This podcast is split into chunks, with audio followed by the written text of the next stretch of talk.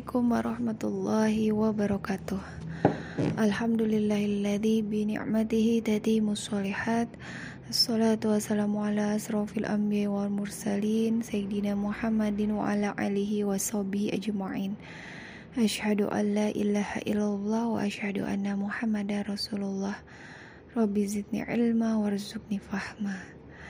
Segala puji dan syukur kita panjatkan kehadirat Allah karena pada hari ini Allah masih memberikan kita kesempatan untuk hidup, Allah masih memberikan kita kesempatan untuk terus memperbaiki ibadah yang paling utama, tiang agama, yakni ibadah sholat kita.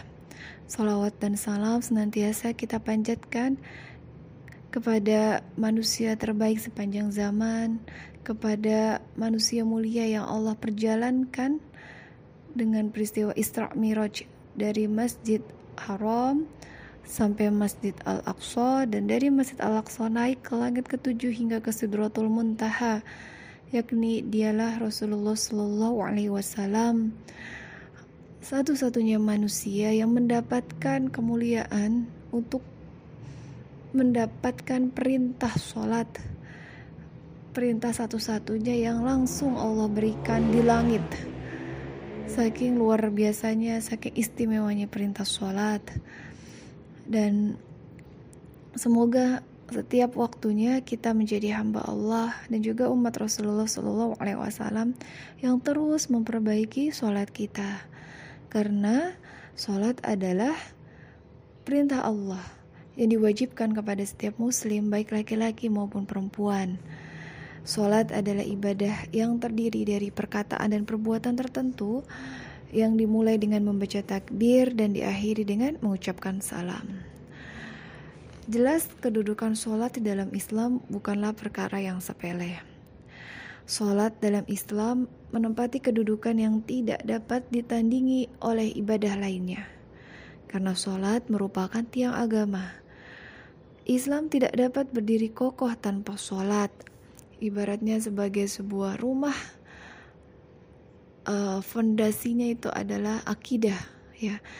Dan rumah tersebut atau bangunan tersebut akan dapat berdiri dengan kokoh.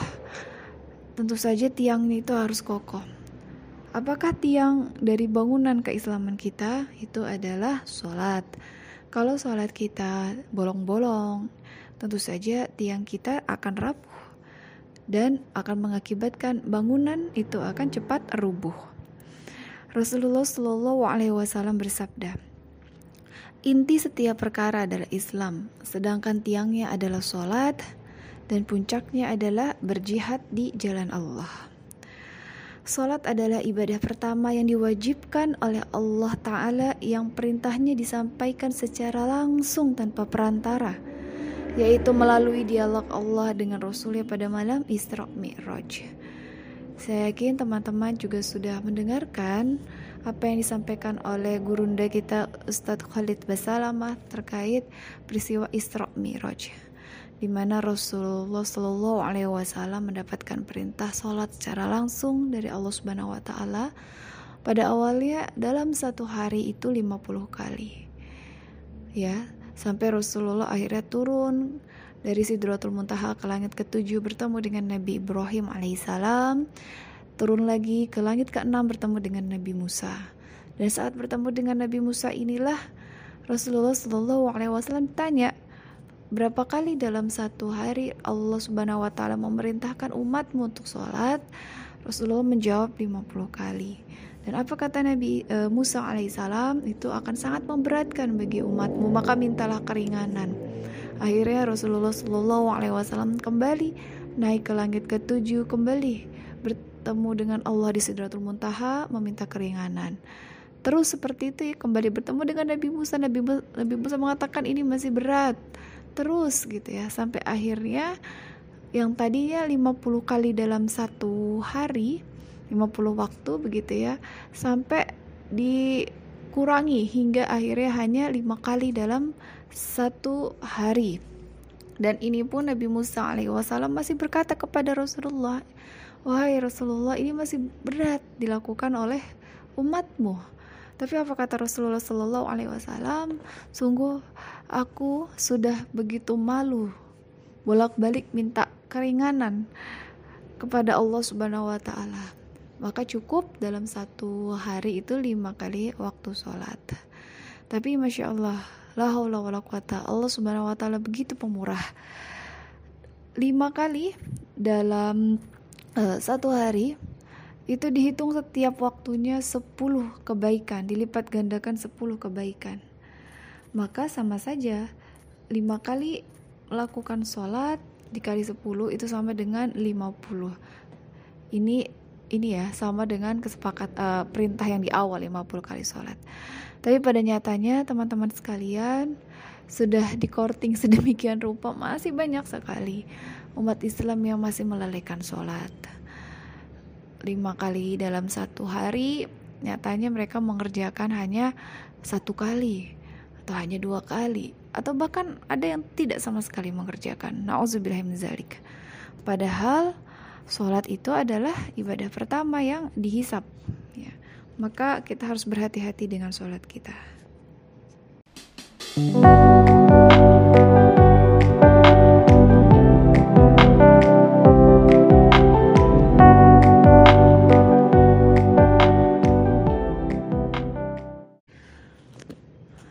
Kita lanjutkan. Dari Abdullah bin Qurt radhiyallahu anhu menceritakan bahwa Rasulullah Shallallahu alaihi wasallam bersabda bahwa yang pertama kali dihisap dari seorang hamba pada hari kiamat adalah sholatnya. Jika sholatnya baik, maka baiklah seluruh amalnya. Dan jika sholatnya buruk, maka buruklah seluruh amalnya. Hadis yang diriwayatkan oleh Tobrani.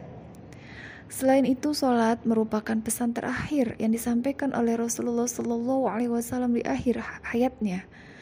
Jadi saat Rasulullah Shallallahu Alaihi Wasallam sedang sakaratul maut ya, mau menghembuskan nafas yang terakhir, beliau bersabda, As-salat as-salah wa ma malakat aimanukum. Yang artinya perhatikanlah sholat kalian. Perhatikanlah sholat kalian. Juga perhatikanlah hamba sahaya kalian. Jadi pesannya Rasulullah SAW begitu memperhatikan umatnya dan kembali lagi mengingatkan tentang sholat, sholat dan sholat. Dan di hadis yang lain Rasulullah SAW bersabda bahwa sesungguhnya rangkaian ajaran Islam akan terurai satu demi satu. Setiap kali satu ajaran lepas, orang-orang berpegangan pada ajaran berikutnya. Yang pertama kali lepas adalah aturan hukum dan yang terakhir lepas adalah sholat. Hadis riwayat Ibnu Hibban dari Abu Umamah. Dan dari hadis ini kita dapat mengambil kesimpulan bahwasanya sholat merupakan perisai Islam yang terakhir. Ya, bahkan uh, terdapat perbedaan ulama terkait hukum orang yang meninggalkan sholat. Ijma ulama memutuskan bahwa orang yang meninggalkan sholat karena tidak mempercayai kewajiban sholat berarti telah kafir dan keluar dari agama Islam. Tentu saja ya, karena sholat itu merupakan rukun Islam yang kedua setelah syahadat. Tetapi perbedaan ini sampai kepada jika orang yang tidak mengerjakan sholat tetapi masih mempercayai bahwa sholat itu adalah wajib ya jadi ya tahu kalau sholat itu hukumnya wajib tapi sengaja tidak mengerjakan sholat atau di kasus lain ada seorang muslim atau muslimah yang ia tidak sholat karena malas atau sibuk dengan suatu urusan yang lain di mana tidak ada uzur syar'i di dalamnya sampai ia meninggalkan sholat tersebut. Maksudnya di sini adalah sholat yang hukumnya wajib, ya sholat fardu. Maka ada berbagai perbedaan ulama tentang hal ini. Pendapat ulama uh, dari hadis-hadis ya itu menyatakan bahwa orang yang meninggalkan sholat adalah kafir dan dijatuhi hukuman mati. Akan tetapi kebanyakan ulama salaf terdahulu dan khalaf yang datang berikutnya seperti Abu Hanifah, Imam Malik dan Imam Syafi'i memiliki pendapat yang lain. Maksudnya jika uh, ada orang yang meninggalkan sholat itu tidak sampai jatuh kepada kafir. Ini pendapat dari uh, Imam Syafi'i dan Imam Malik. Tetapi orang tersebut dijatuhi sebagai fasik yaitu orang yang uh, melakukan dosa yang besar dan dia disuruh bertobat. Jika ia tidak mau bertobat, maka orang tersebut dijatuhi hukuman mati. Ini pendapat dari Imam Syafi'i dan Malik. Sedangkan dari Imam Abu Hanifah berpendapat bahwa orang tersebut yang tadi ya yang meninggalkan sholat, uh, ia tidak dibunuh tetapi dijatuhi hukuman takzir. Apa itu hukuman takzir? adalah hukuman yang ditentukan oleh pengadilan dengan tujuan agar si penerima hukuman menjadi jerah ya dan dipenjarakan hingga ia mau mengerjakan sholat ya jadi ada perbedaan uh, pendapat dari ulama terkait dari orang yang meninggalkan sholat terkhusus adalah sholat yang hukumnya wajib atau sholat fardu uh, dan berbicara juga tentang sholat teman-teman sekalian bahwa di dalam Al-Quran tidak main-main ya Allah memperingatkan kita betapa mulianya kedudukan tentang sholat. Di dalam Quran Surat Al-Ankabut ayat 45, saya yakin teman-teman sudah familiar tentang hal ini, bahwasanya Allah Subhanahu wa taala berfirman, sesungguhnya sholat itu mencegah dari perbuatan-perbuatan yang keji dan mungkar.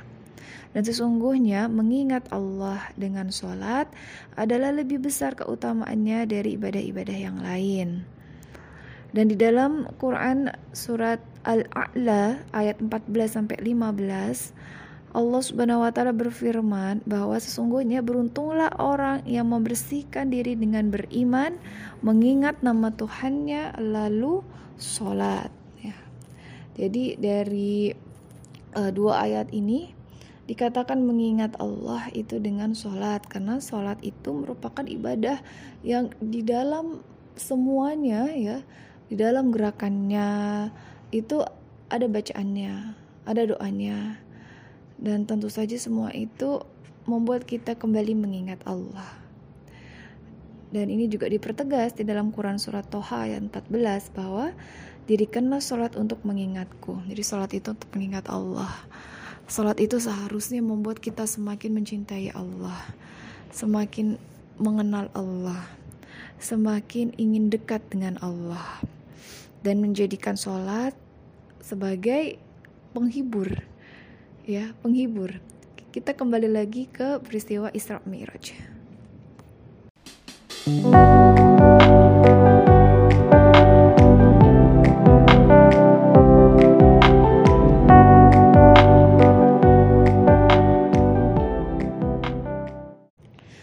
kembali lagi ke peristiwa Isra Mi'raj di mana itu terjadi di tahun kesedihan saat Rasulullah wasallam mengalami berbagai peristiwa yang sungguh membuat hati beliau jadi uh, tidak bahagia ya, dalam arti beliau dirundung kesedihan yang sangat mendalam uh, beliau ditinggal oleh dua orang yang sangat beliau cintai oleh paman beliau oleh Abu Talib, oleh istri yang sangat-sangat beliau cintai yaitu Bunda Khadijah radhiyallahu anha.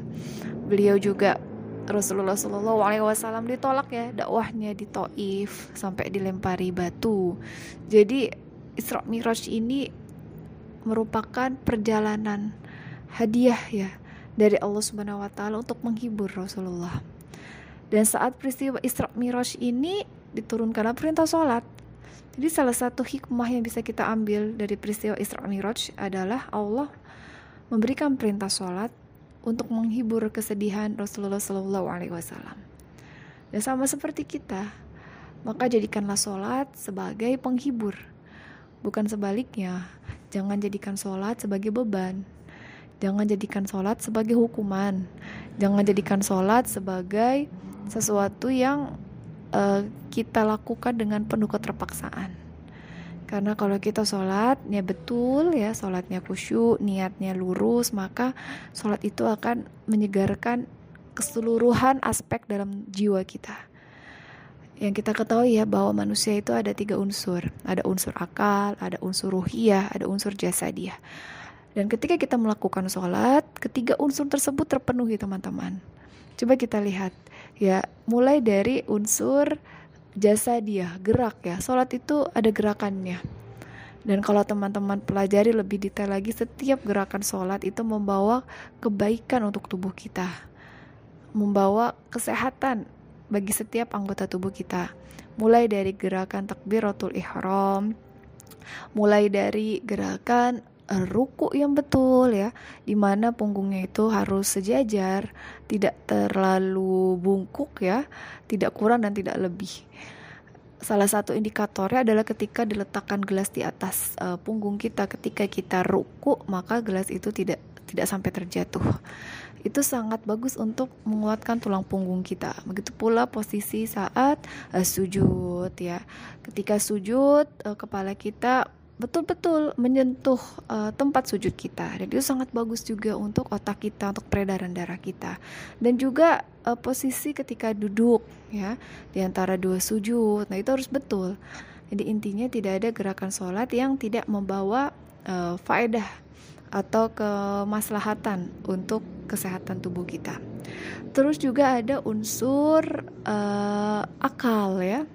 Ada unsur ilmu ada bacaan kita harus hafal bacaan sholat mulai dari takbiratul ihram bahkan dari niatnya ya sebelum niatnya itu ada takbiratul ihram ada uh, iftitah uh, iftitahnya juga walaupun sunnah tapi ada berbagai ini ya versi. Teman-teman membaca doa iftitah yang mana silahkan.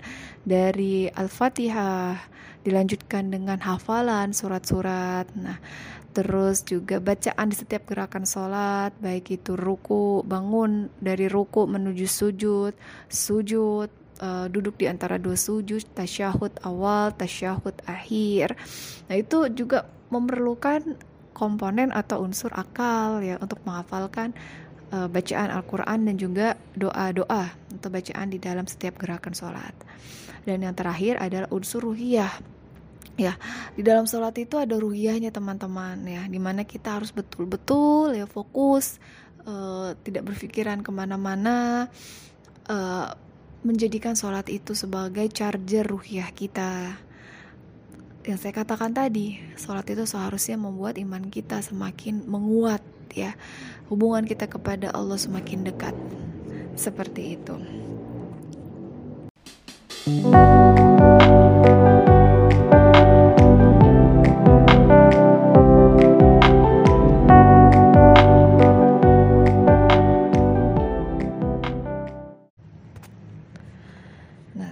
Selanjutnya uh, penutup ya dari saya terkait tentang pengingat untuk terus memperbaiki sholat. Mari kita ingat kembali ya tentang berbagai keutamaan sholat. Kita ulang lagi teman-teman supaya sholatnya semakin semangat. Sholat keutamaan yang pertama adalah seperti yang dikatakan di awal bahwasanya salat merupakan perintah yang disampaikan secara langsung oleh Allah Subhanahu wa taala kepada Rasulullah sallallahu alaihi wasallam dalam peristiwa Isra Mi'raj. Jadi teman-teman diharapkan ketika kita memperingati Isra Mi'raj tidak hanya selesai di seremoninya, tidak hanya di euforionya saja gitu ya, tapi yang lebih penting adalah bagaimana motivasi kita untuk sholat, kualitas sholat kita semakin baik di setiap waktunya. Keutamaan yang kedua adalah sholat merupakan wasiat terakhir Rasulullah Shallallahu Alaihi Wasallam. Tadi juga sudah kita bahas. Yang ketiga, sholat merupakan amalan yang pertama kali dihisap oleh Allah Subhanahu Wa Taala pada hari kiamat. Ibarat sebuah bejana kalau misalnya sholat kita itu bagus ya tidak bolong-bolong bejana kita uh, kuat maka air yang ada dalam bejana tersebut tidak akan tumpah. Seperti halnya amalan kita yang ada di dalam bejana tanda kutip sholat kita itu tidak akan tumpah ya. Maka jagalah sholat kita dengan sebaik-baiknya agar amalan-amalan kita juga dapat dihisap dengan sempurna. Keutamaan yang keempat adalah sholat merupakan identitas kemusliman seseorang muslim yang membedakannya dengan orang kafir. Maka jangan pernah untuk meninggalkan sholat dengan alasan apa pun kecuali memang alasannya syar'i dan sholat itu harus di uh, kodok ya seperti alasan syar'inya jika kita musafir dalam artian tidak meninggalkan tetapi mengganti waktu sholat uh, di waktu yang lain sesuai dengan syariat Islam. Uh, yang nomor lima keutamanya adalah sholat merupakan sarana untuk memperoleh pahala yang tinggi di sisi Allah.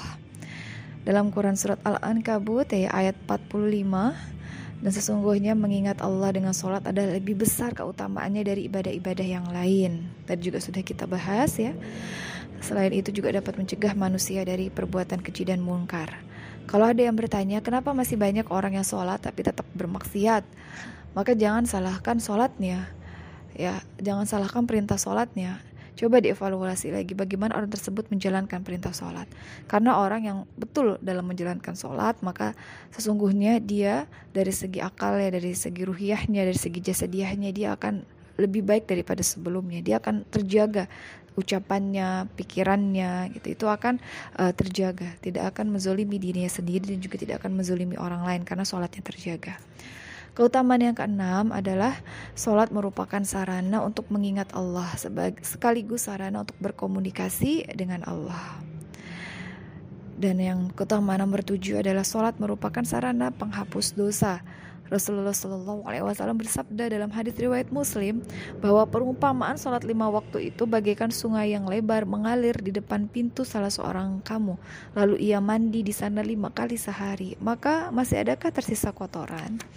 Jadi membasuh dosa-dosa kita dalam satu hari itu sebenarnya Allah sudah memberikan lima prime time ya, lima waktu yaitu sholat subuh, uh, zuhur, asar, maghrib, dan isya. Maka sayang sekali jika kita melewatkan waktu untuk membasuh dosa-dosa kita dengan sholat. Dan keutamaan yang terakhir, yang nomor delapan adalah sholat mengangkat derajat orang-orang mukmin ke derajat yang lebih mulia di hadapan Allah Subhanahu Wa Taala.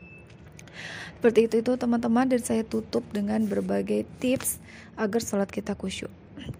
Yang pertama adalah diawali dengan niat yang ikhlas. Pastikan niat kita sholat itu karena Allah Subhanahu wa taala, tidak ria. Karena niat itu sangat menentukan apakah amal perbuatan diterima atau tidak. Yang kedua adalah menghadirkan hati dan pikiran di dalam sholat. Ini memang masih berproses ya.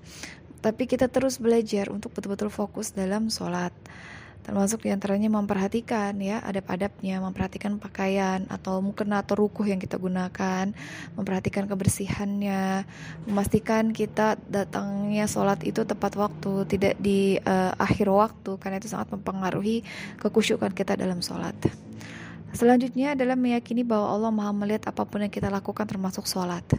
Jadi kalau kita uh, tidak bisa betul-betul yang menghadirkan Allah uh, di sholat kita ya maka yakinlah bahwa Allah yang melihat melihat kita. Seperti itu ya teman-teman ya. Terus juga menganggap sholat yang dilakukan sebagai sholat yang terakhir. Itu akan memotivasi kita untuk memperbagus sholat kita. Karena memang siapa tahu sholat kita tadi ya sholat subuh kita itu apakah sholat itu yang terakhir atau tidak?